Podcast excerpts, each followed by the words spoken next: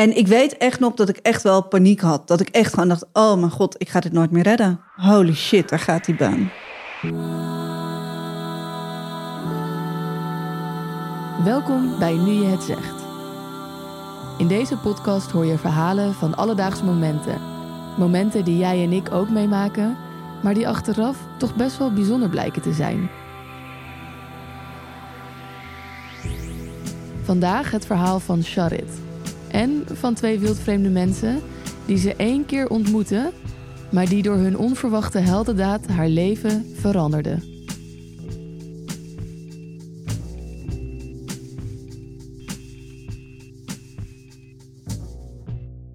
We hebben het over 2001, Ja. najaar 2001. Ik had een kerstverse diploma, knisperend en al op zak. Schrijversopleiding had ik gedaan. Ik was echt net 21, ik was piepjong. Ik had nul ervaring, dus ik werd overal afgewezen, ongeveer. Ik wilde eigenlijk bij de tijdschriften, eh, in de tijdschriftenbranche werken. Maar die hele markt stortte in, toen ook al. En internet kwam op, werd steeds groter. En dus solliciteerde ik als webredacteur. Na veel brieven sturen wordt Charit eindelijk uitgenodigd voor een gesprek bij Endemol. Was dit je eerste sollicitatie? Nou, het was zeker niet de eerste sollicitatie die ik eruit had gedaan, om het zo maar te zeggen. Ik heb wel meerdere sollicitaties gehad in die periode, maar dit was wel de eerste op het Mediapark. En vond je dat eh, spannend?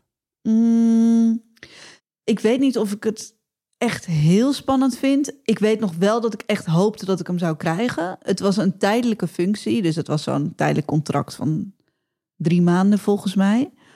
En ik weet wel dat ik een soort van gevoel had van... oké, als ik die journalistiek in wil en als ik die media in wil... dan zit ik wel in de goede hoek. En ik besefte ook, ik moet gewoon ervaring op gaan doen. Want ik heb nul ervaring. En ik was een groentje. Ik was echt een groentje. Ja, Op wat voor manier dan? gewoon echt 21. En ja, alleen maar die studie gedaan en de middelbare school. Ik had geen tussenjaar gehad. Ik had niet gereisd. Ik, weet je, ik was gewoon... Ik was gewoon nog bleu. Charit woont op dat moment in Amersfoort en het sollicitatiegesprek is in Hilversum op het Mediapark. Hoe ging je daarheen? Met de trein. En wat had je aan? Ja, ik weet gewoon nog wat ik aan had. Eh, ehm, tenminste, gedeeltelijk. Ik weet nog dat ik een zwarte broek aan had. Was het dan ook een broek wat je normaal nooit aan zou doen? Ja, wel, maar dan zou ik er wel wat anders op doen. Dus Ja. ik kon hem ook, ik kon die broek ook rocken in de club. Maar dan, weet je, Ja. zou ik er niet een jasje boven doen. Volgens mij had ik een jasje aan. Ook. Echt een soort Colbert-achtig jasje. En ik had laarzen aan met hakken.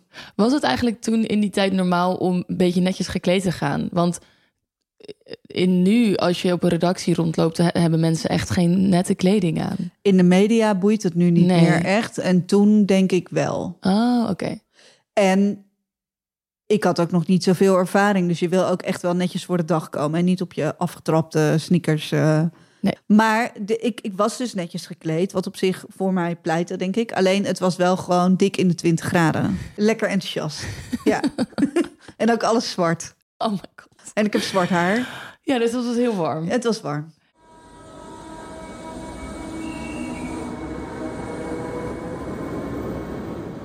Jij zat in die trein en toen, waar kwam je aan? Ik kwam aan op Hilversum Centraal. En ik had opgezocht van tevoren. Want dit is dus het pre-smartphone eh, tijdperk. Dus ik had opgezocht van tevoren welke bus ik moest nemen, waar ik uit moest stappen. Ehm, maar zoals je nu in de bussen en in de trams hebt, Ja, dat er gewoon de hele tijd ook wordt gezegd: deze halte, deze had, was toen ook niet. maar hoe? Ja, je moest het gewoon weten. Of je vroeg dus aan de buschauffeur of die een seintje wilde geven als je eruit moest. Dus dat maar hoe bedoel ik. je, je moest het gewoon weten? Je moest dan alle haltes uit je hoofd weten en weten waar, wanneer jouw halte kwam. Dat Ja. is toch heel gek? Ja, maar het werd gewoon niet omgeroepen. Oké. Dus je zat gewoon in de bus te wachten totdat je eruit moest. Totdat je... Dacht, hé, hey, zag. dit ken ik. Of eh, ja. Dit, dit, dit, dit klinkt als een niet echt een waterdicht systeem. Oh, ik voel zo'n generatiekloof. Het is echt ja, ik, bedoel, ik bedoel, ik heb natuurlijk ook wel in de bus gezeten in die tijd, maar ik volgde dan gewoon mijn ouders. Ja, dat bedoel Dus ik. dan weet je dat ook niet. Generatiekloof of niet, dat systeem bleek, zoals ik dus al zei, niet heel waterdicht. Charlotte stapt in de bus die haar naar het Mediapark moet brengen. Toen vroeg ik aan de buschauffeur: Kun je me een seintje geven als ik er daar en daar uit moet? En zei ja, dat is goed. Maar hij keek me al nauwelijks aan, dus dat, daarvan had ik eigenlijk al genoeg moeten weten. Ja. Dus jij zat te zweten in die bus? Ik zat uh, te zweten in die bus. Beetje zenuwachtig zal ik echt wel geweest zijn voor die sollicitatie. En wat doe je dan eigenlijk ook als je niet op je telefoon kan zitten? Ja, naar buiten kijken, denk ik. Het wachten op de halte. Het zien van een taxi. Het denken nog niet, ik sta hier nog maar net. Het zien dat er nog iemand bij komt staan. Het opnemen van hem, haar. Het net doen of ik hem, haar niet bekijk. Dus je kijkt gewoon een beetje naar buiten. Ja, en dan toch niet opletten. Als ik dit zou zeggen, dan denk ik ook wel... ja, dit klinkt wel heel erg zoals ik ben. Het is niet alleen maar de schuld van de bus. het is niet verrassend op zich dat dit is gebeurd. Het niet net doen of ik hem, haar niet zie. Het langs hem, haar in de verte kijken of bus er aankomt, zogenaamd. Het echt in de verte kijken. Het denken, is dat de bus? Het blijven kijken tot het dichterbij is. Het zien dat het geen bus is, maar een hoge vrachtauto. Het denken, toch maar een taxi. Het denken, dan had ik beter die eerste taxi kunnen nemen. Nu heb ik voor niets gewacht als ik alsnog een taxi neem. Het zien dat er nog twee mensen op de halte bijkomen. Het zien dat deze twee nog niet ongeduldig zijn. Het denken, die denken hij komt zo. Het raden wat deze twee samen doen. Het hen onopvallend opnemen. Het zich verbazen over de eerste wachtende die de nieuwe twee helemaal niet bekijkt. Niet nieuwsgierig is, alleen wacht. Het denken, als we nu eens met z'n vieren een taxi namen. Het zich afvragen waar de anderen heen moeten. Het het koud krijgen. Het veel bussen in omgekeerde richting langs zien komen.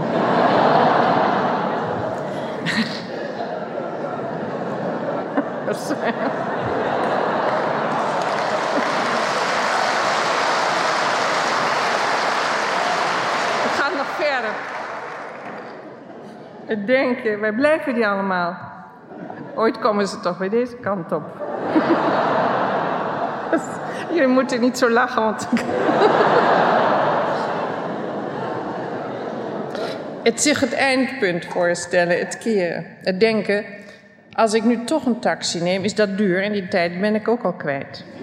Het zich herinneren van dezelfde gedachte van gisteren. Het zich herinneren van het zich herinneren van gisteren, van dezelfde gedachte.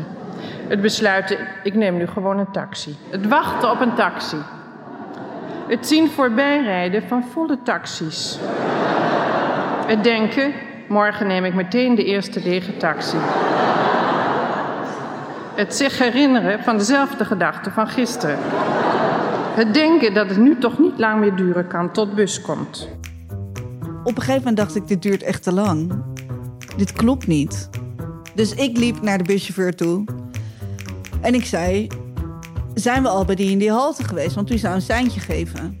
En zeiden, ja, ja, daar zijn we al lang voorbij. Ja, ik was vergeten. Het zich voorstellen van een enorme opstopping in de verte. Het overwegen te gaan lopen. Het zich voorstellen dat de bus net voorbij rijdt voor ik lopend bij de volgende halte ben.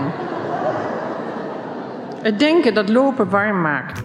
Dus ik uitstappen. Het zich verbieden om te kijken of bus er aankomt. Het auto stellen.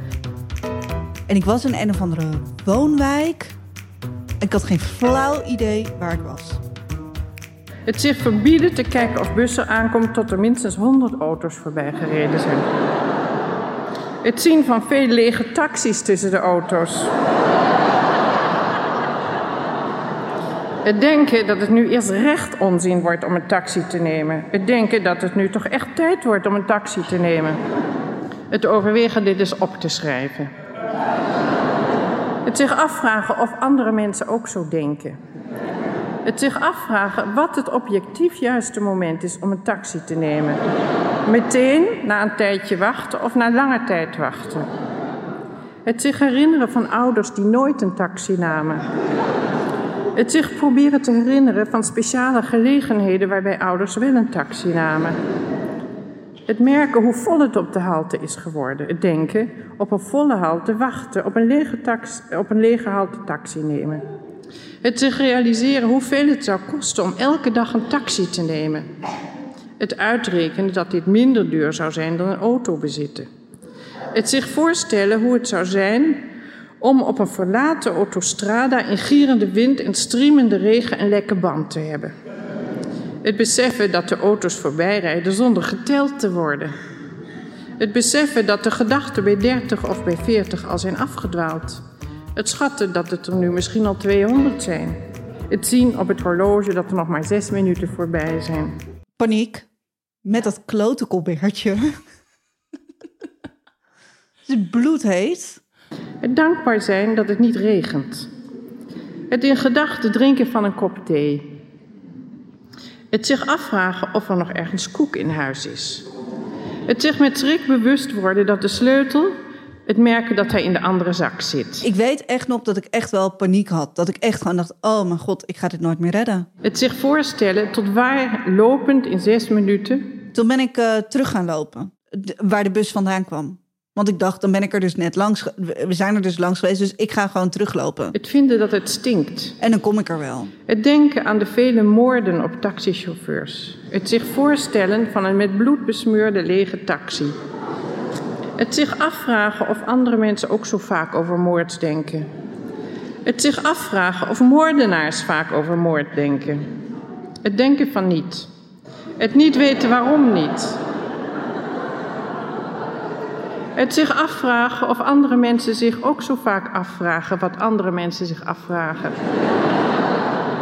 Het zich afvragen of andere mensen zich wel eens afvragen wat ik me afvraag. Het niet gemerkt hebben dat de bus er is.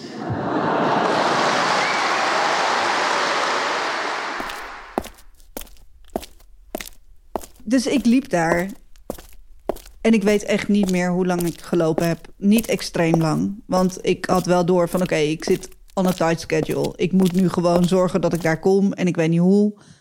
Maar nou ja, ehm, na even lopen dacht ik op een gegeven moment van ja, dit gaat hem gewoon echt niet worden volgens mij. Volgens mij kan ik gewoon die sollicitatie vergeten. En had je dan nog wel een telefoontje bij een mobiel bij je om dan bijvoorbeeld je ouders te bellen? Of, of, of had je het nummer van die mensen van, de, van Endemol of zo? Dat je... Nee, die had ik dus ook niet in mijn telefoon opgeslagen. Dus je kon ook niet zeggen van... Ik kon niet naar Endemol bellen en zeggen... sorry mensen, ik ben verdwaald, ik ben wat later. Of er is iets misgegaan, of mijn trein had vertraging. Een smoes bedenken, ja. whatever. Want ik had dat nummer helemaal niet opgeslagen. Want waarom zou ik dat doen? Ja. Hè? Hè? En toen op een gegeven moment kwam ik in een straat... en er was een man, een, um, een Marokkaanse man... die was daar zijn auto aan het inladen... met allemaal grote tassen en boodschappen en noem het allemaal maar op. En er stonden een paar vrouwen, stonden er vlakbij hem, stonden te praten met elkaar.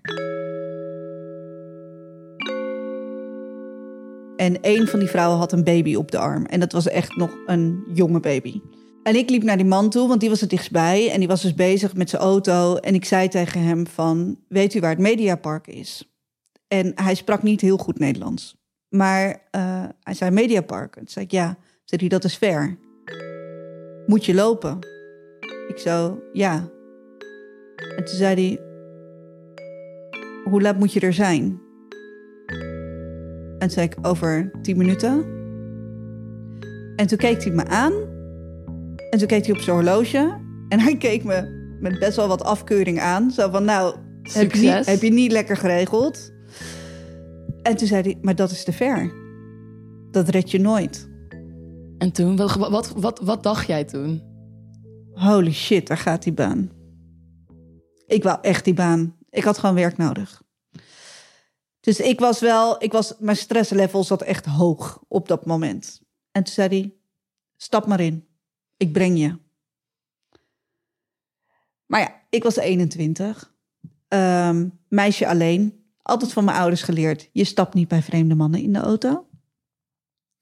Dus waarschijnlijk keek ik een beetje vertwijfeld. Ja. Van, moet ik dit nou doen? Moet ik nu bij een wildvreemde man in de auto stappen die ik niet ken, die ik nog nooit heb gezien? Op dat moment keek, eh, keken die vrouwen naar mij. Die stonden een paar meter verder. En die keken. En de vrouw met de baby op de arm, die zei iets tegen hem. In het Arabisch of in het Berbers, weet ik niet. En toen keken ze allemaal naar mij. En toen keek ze weer eventjes naar die man. Toen zeiden ze weer iets tegen elkaar. Toen gaf ze de baby aan de buurvrouw. En toen zei ze tegen mij, stap in. En toen stapte zij ook in.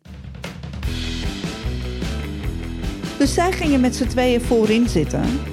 En eh, ik zat achterin. Echt alsof ik hun kind was.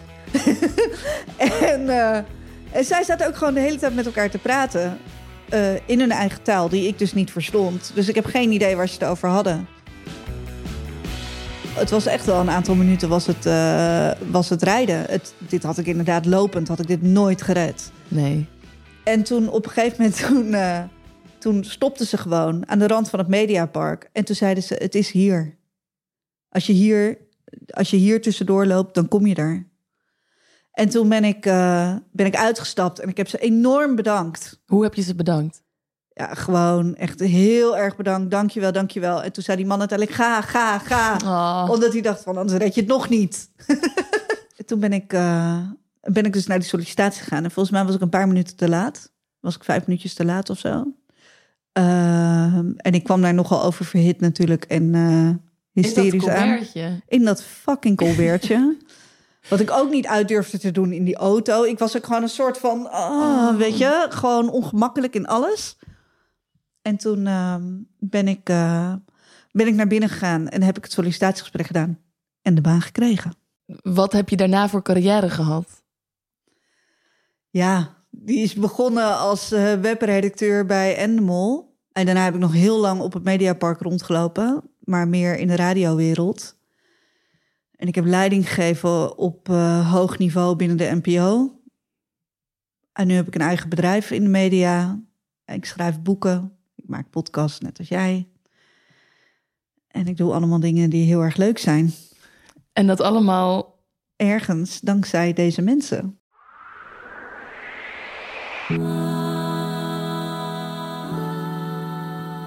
Heb je wel eens nog aan ze gedacht? Zeker, ik ben dit verhaal nooit vergeten.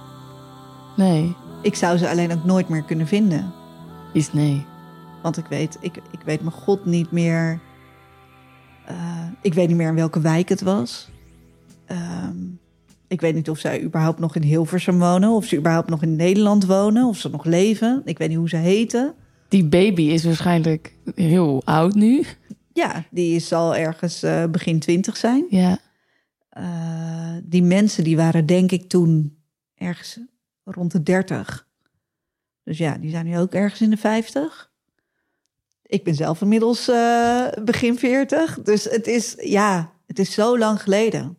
En waarom moet je dan soms nog aan ze denken? Wat is dan wat je waar je dan wat heeft indruk op jou gemaakt?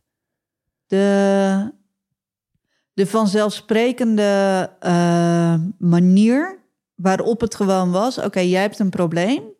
We kennen je niet. Je hebt een probleem. We zien dat je het moeilijk hebt. Wij kunnen je helpen. En dus doen we dat. Dat vond ik denk ik heel mooi daaraan. En zonder dat we elkaars taal niet eens... Weet je, we spraken elkaars taal nauwelijks. Ehm, ik denk dat het meeste mij nog raakte... niet eens zozeer dat die man het aanbood... maar dat die vrouw meeging. Ik denk dat ik dat nog het allermooiste vond. Omdat zij gewoon besefte... een meisje van begin twintig... stapt niet zomaar met een vreemde man in de auto... maar ze doet het wel als ik meega. Dus ik zet nu ook even mijn... Ze zetten allebei even hun leven op dat moment... ook al was het misschien voor een kwartier... maar ze zetten allebei even hun leven on hold... om mij te kunnen helpen. Inclusief de baby aan de buurvrouw geven. Ja. En, En- dat vind ik heel mooi eraan. Heeft dat impact gehad op hoe jij nu door het leven gaat, denk je? Mm, wel in de zin dat ik altijd wel zou willen dat ik mensen zou kunnen helpen die het op dat moment nodig hebben. En ik weet ook niet of ik dat altijd wel doe. Want ik zou ook af en toe denken: nee, nu niet. En ik ben druk. Of ik heb haast. Of ik moet mijn kind uit school halen. Of ik, weet je, whatever. Maar soms kan je gewoon dus iets heel kleins doen. Wat iemand anders enorm kan helpen. En die realisatie heeft het me wel gegeven, denk ik. Net Ja. als dus dat die mensen dachten, nou, dat kwartiertje werk om even om te rijden is voor ons kleine moeite. En voor mij is het wel het begin van mijn carrière geweest.